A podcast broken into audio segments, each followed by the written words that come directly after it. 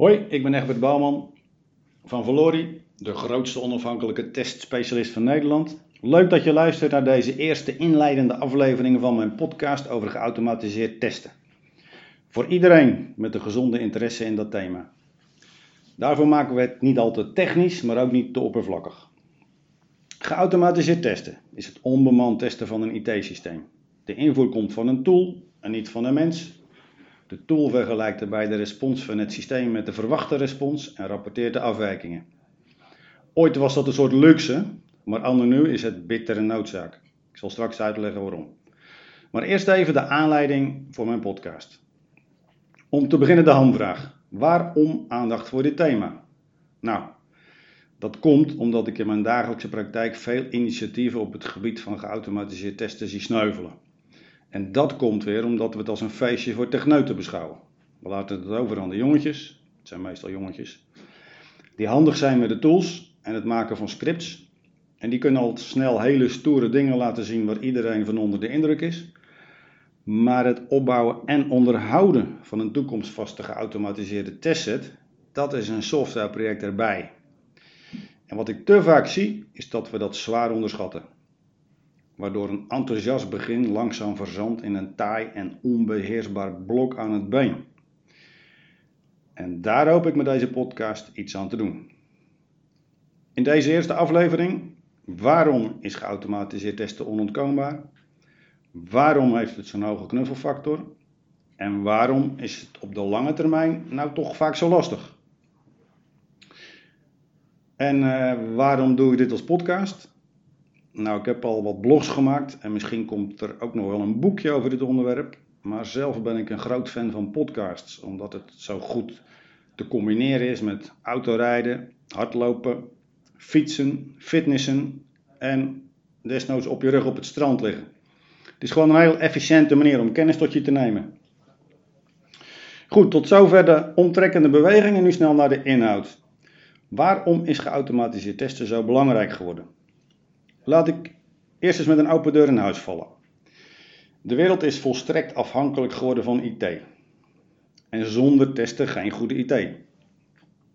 Alles handmatig testen is kansloos. En daarom is geautomatiseerd testen bittere noodzaak voor de mensheid. Dat zal ik nog wat verder onderbouwen met twee argumenten. Het aantal apps en IT-systemen en daarmee de hoeveelheid actieve regels softwarecode verdubbelt elke paar jaar. En al die nieuwe code moet getest en gehertest en geregressietest worden, regelmatig. En steeds regelmatiger, want we passen bestaande systemen steeds frequenter aan. Agile software teams leveren steeds frequenter nieuwe versies op. En met elke oplevering wil je even checken dat er niets onbedoeld is omgevallen. We moeten dus meer testen en vaker testen. Wat niet toevallig uiteraard goed uitkomt, is dat het aanbod en de volwassenheid van de tools die voor ter beschikking staan met sprongen is vooruit gegaan. Dus de houding ten opzichte van geautomatiseerd testen is dan ook verschoven van nou, nee, tenzij naar ja, mits. Goed, je zult zeggen, oké, maar ik ben geen softwarebedrijf, dus waarom zou ik? Kijk, voor de grote softwareboeren van deze wereld, zoals Microsoft en Google, is geautomatiseerd testen echt geen vraag.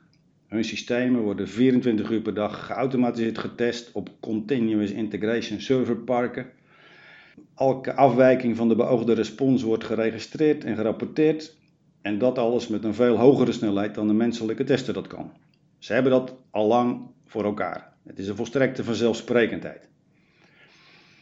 En ook al ben je geen Microsoft of Google, elke organisatie die op enige schaal aan softwareontwikkeling doet, krijgt hier behoefte aan. Het gezaghebbende onderzoeksbureau Gartner schreef in 2016 het rapport The Eight Essentials When Moving to Automated Software Testing.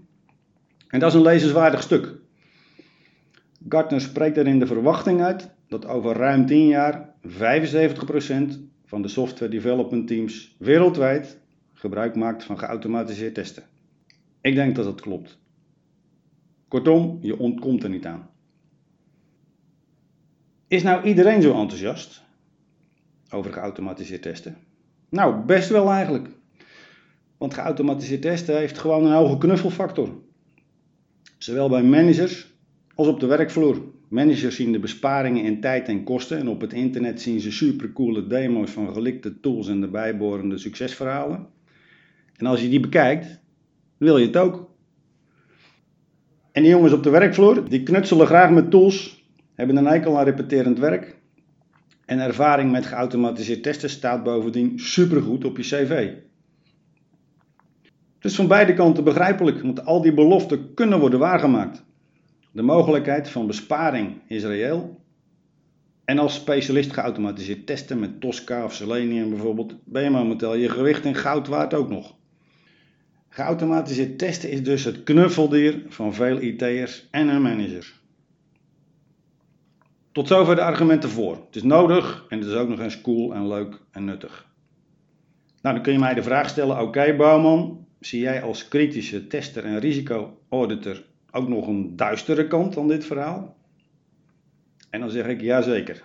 Want als dit knuffeldier wat ouder wordt, gaat het meestal bijten. Met een total cost of ownership die op termijn helemaal de pan uitreist, bijvoorbeeld. Want een toekomstvaste en onderhoudbare geautomatiseerde testset is een softwareproject erbij. Een complex geheel van scripts, data, parameters en tooling.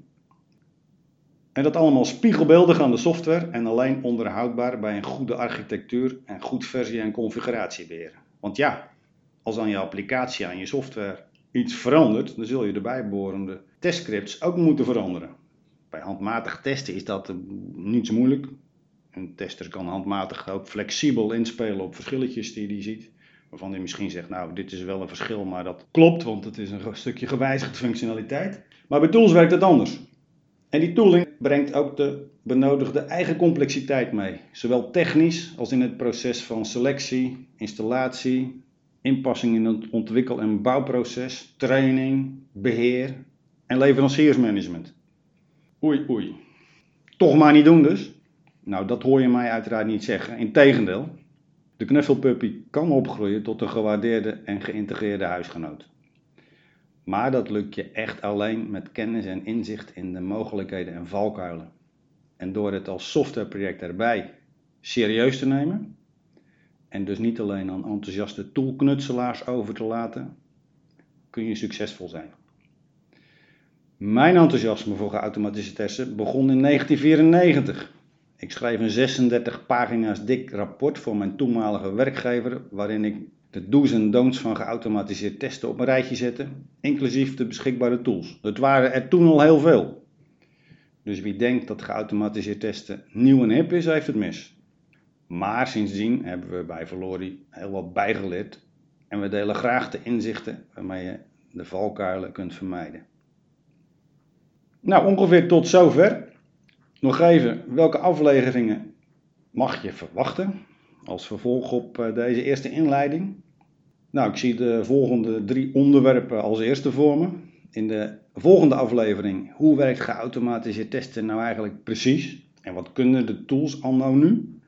Dat heb ik nog maar zo meer verteld. En het lijkt me goed om die basis te verbreden in een volgende aflevering. Daarna, wat mij betreft, een hele aflevering waarin ik alle mogelijke voor- en nadelen uitputtend op een rijtje ga zetten. Want de relevante voor- en nadelen voor jouw situatie kennen is echt essentiële input voor je business case en munitie in de discussie in jouw organisatie. Zorg dat je voorbereid bent op alle voor- en tegenargumenten. Dus dat zou ik in de derde aflevering willen doen. En in de vierde aflevering gaan we het hebben over een onmisbaar model, de Test Automation Pyramide. Dat is een superhandig model bij de keuze op welk niveau je aan de slag gaat.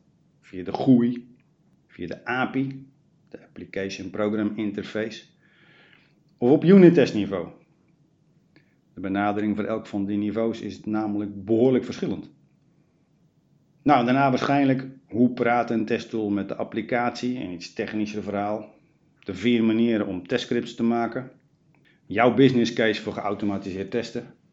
Tools voor ontwikkelaars en tools voor niet-ontwikkelaars. Die hebben namelijk verschillende type tools nodig. Wat zijn de top tools anno nu? Hoe selecteer je een tool? Nou ja, ga zo door. Zoiets dus. Ik nodig je graag uit om te reageren en dit lijstje aan te vullen. Dan probeer ik daarop in te spelen. Tot zover deze eerste aflevering. Dank voor het luisteren. Ik hoop dat het er meer smaakt en tot de volgende keer.